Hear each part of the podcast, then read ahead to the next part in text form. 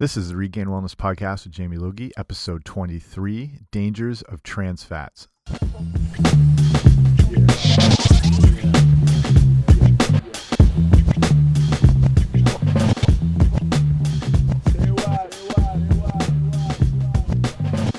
Hey guys, what's happening? Welcome back to the old podcast on the old podcast machine or whichever device you're listening on Android, Apple, laptop, whatever.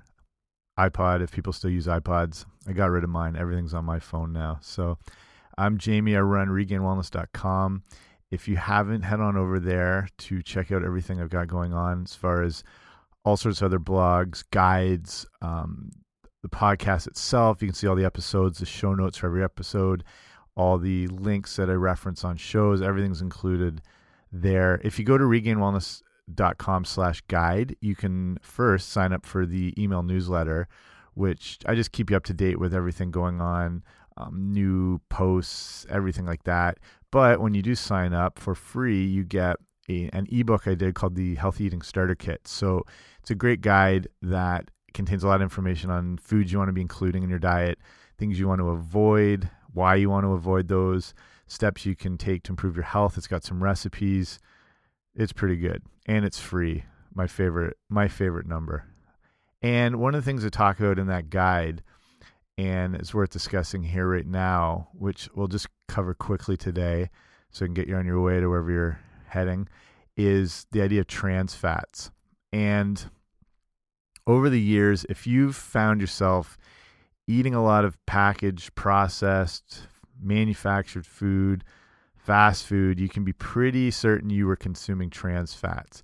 So you hear about these quite a bit. What's the dangers with them? Where do they come from? Why do why do they exist?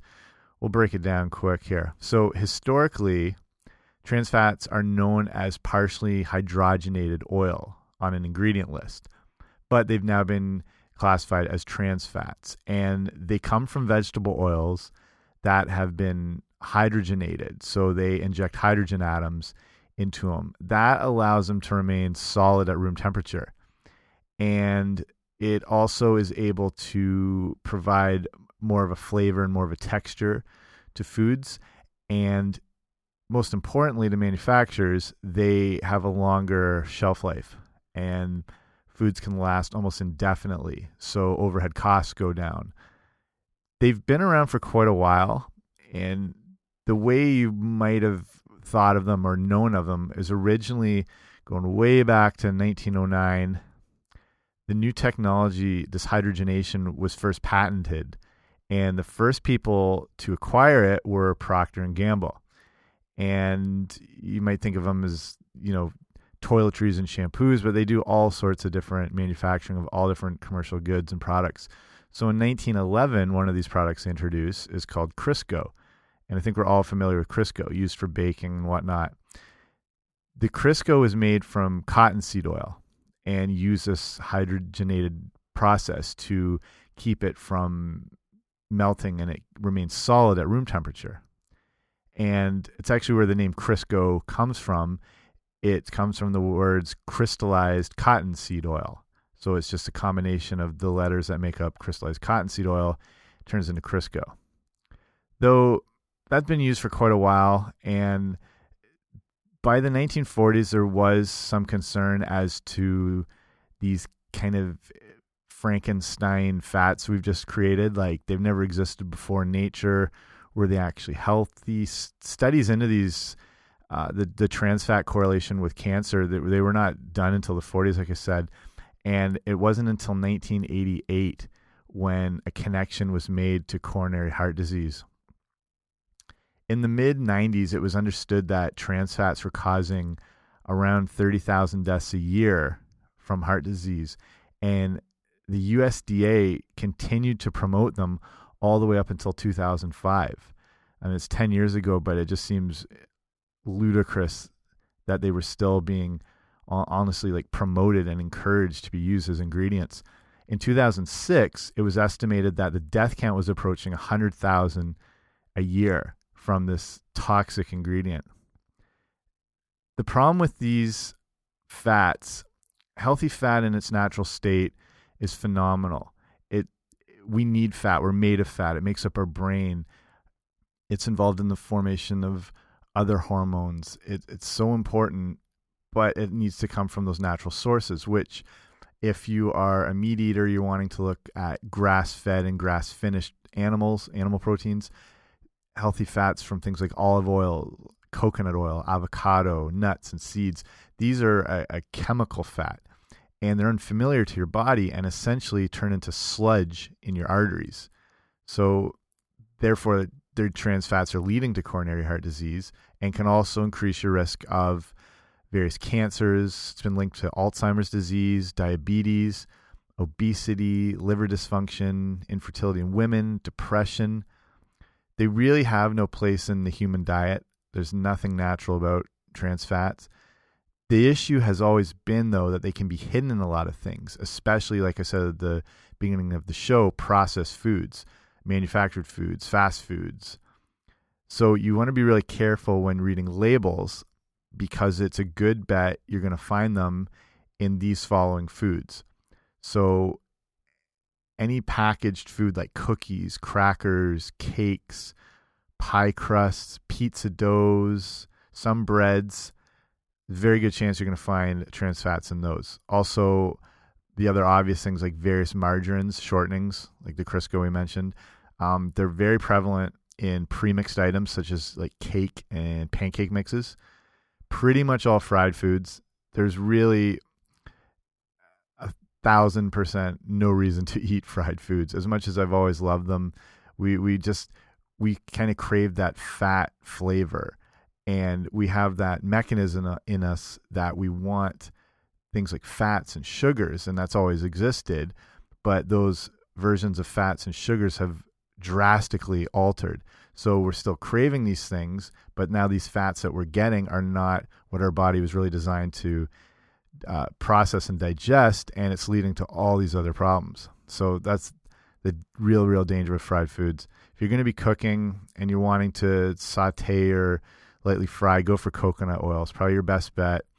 You get a good amount of medium chain triglycerides, and coconut oil has a very high smoke point, so it's better for cooking at higher heats. You want to be careful with olive oil, which doesn't have as high smoke point and can degrade very fast if it gets to those higher heats. Other things you're going to find trans fats in chips, candy, microwave popcorn is one of the worst things in the world now when you really look at how bad this packaged uh, you can't even call it food at this point. It's you're dealing with more than likely genetically modified uh, corn than the fact it is just laden with trans fats in the whole process to like cook it. Plus, you're cooking it in a microwave. Listen to my episode on microwaves and the dangers of microwave cooking, and you might want to steer clear of them after hearing it. I'll link that up in the show notes today, which is regainedwellness.com slash 023 movie popcorn very dangerous as well. There uh, there was some more insights and studies that came out a few years ago on the dangers of microwave pop or sorry movie popcorn and the fact that some of these bags had up to like 3000 calories and primarily from sat or trans fats horrific stuff and frozen and packaged dinners again anything that comes out of a box you can pretty bet you're pretty sure it had trans fats at some point so why is this always existed in food. Why is it even in food? Like I said before, it's it's really cheap to produce. So it's not just that shelf life that extends the life of the products. It's super cheap to produce right off the bat. So again, costs are down. It's the same thing with high fructose corn syrup. It became incredibly cheap to make, and it was the reason manufacturers were able to like quadruple the size of soft drinks and it didn't really change any cost to them. So they were able to provide more to the consumer. We felt like we were getting a deal, but they had switched off regular sugar, cane sugar, for high fructose corn syrup. There's steps now being taken to reduce and remove trans fats from foods. The good thing is, like with episodes like this and more and like research and information, people are more aware of trans fats. Everyone's heard of trans fats; they just might not know why they're bad. So there is enough movement happening that trans fats are, are being eliminated from products. So if enough people create action, the major food companies will start to listen. So you're seeing some of these things happen with you know no trans fat, zero trans fat. Problem is, 85% of the world's food is made by only eight companies. So these companies clearly don't want to mess with what has been working. And flavor and taste are obviously paramount in generating huge and continuing profits. And things like fat, sugar, and sodium are easy additives to give foods this good taste. So they're not interested in creating products that are not going to create repeat customers. And that's why a lot of these food or these chemical additives and ingredients are put in because they can almost create addiction and a craving for them. Things like MSG and you know sugar itself, the trans fats, they create a like these brain effects that you just want more of them. And when you eat them, you're never always feeling satisfied like you do when you eat like real whole foods.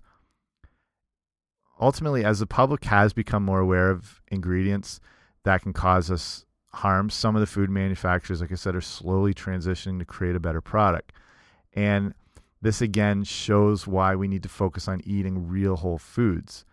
When you keep your foods real, you don't have to worry what ingredients make them up. You don't have to worry does this contain trans fat or high fructose corn syrup? Are there artificial ingredients or fake flavors?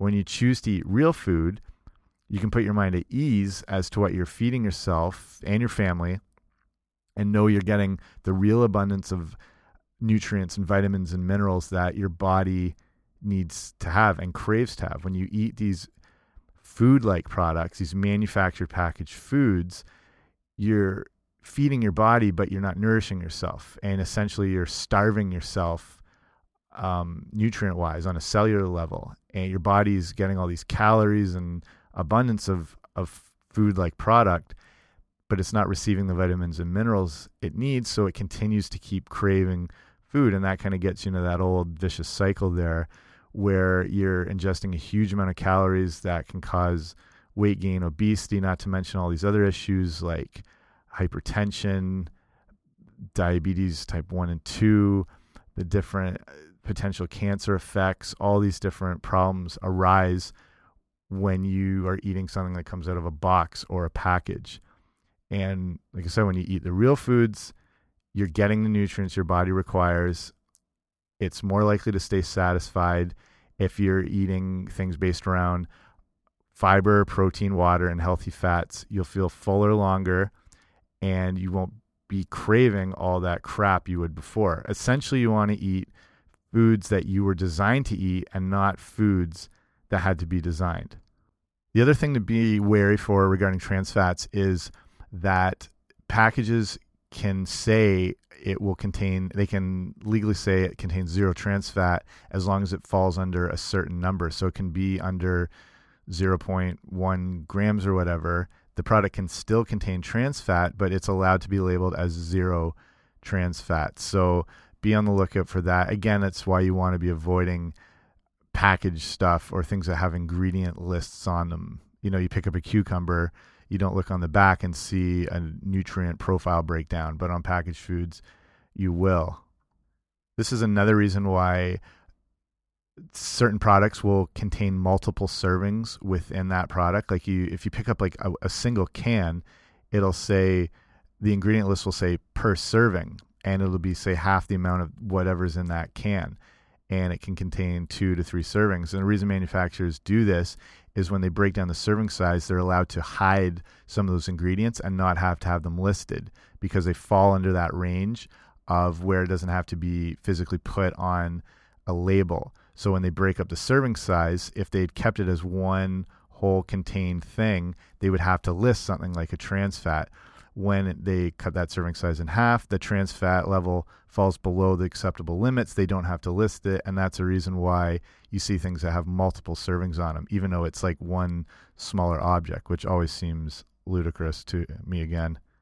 Okay, I've used the word ludicrous more than once, I think, in this episode, so that's a good place to end it. Keep keep reading up on trans fat. There's a lot of information out there. Use use this podcast as a good jumping off point and uh, if you check out those show notes again, I'll link some of those studies and research that's gone into the issue of trans fats. So again, that's regainedwellness.com slash 023.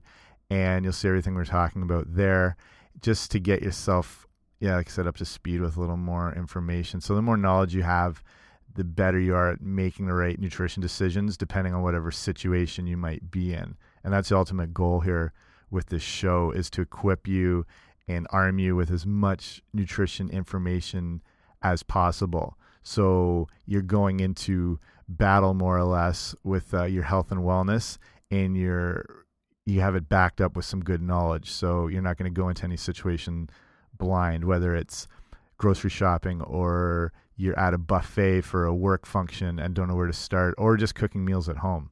So that's my idea here. Hopefully, can really equip you with some good knowledge to help you on your way.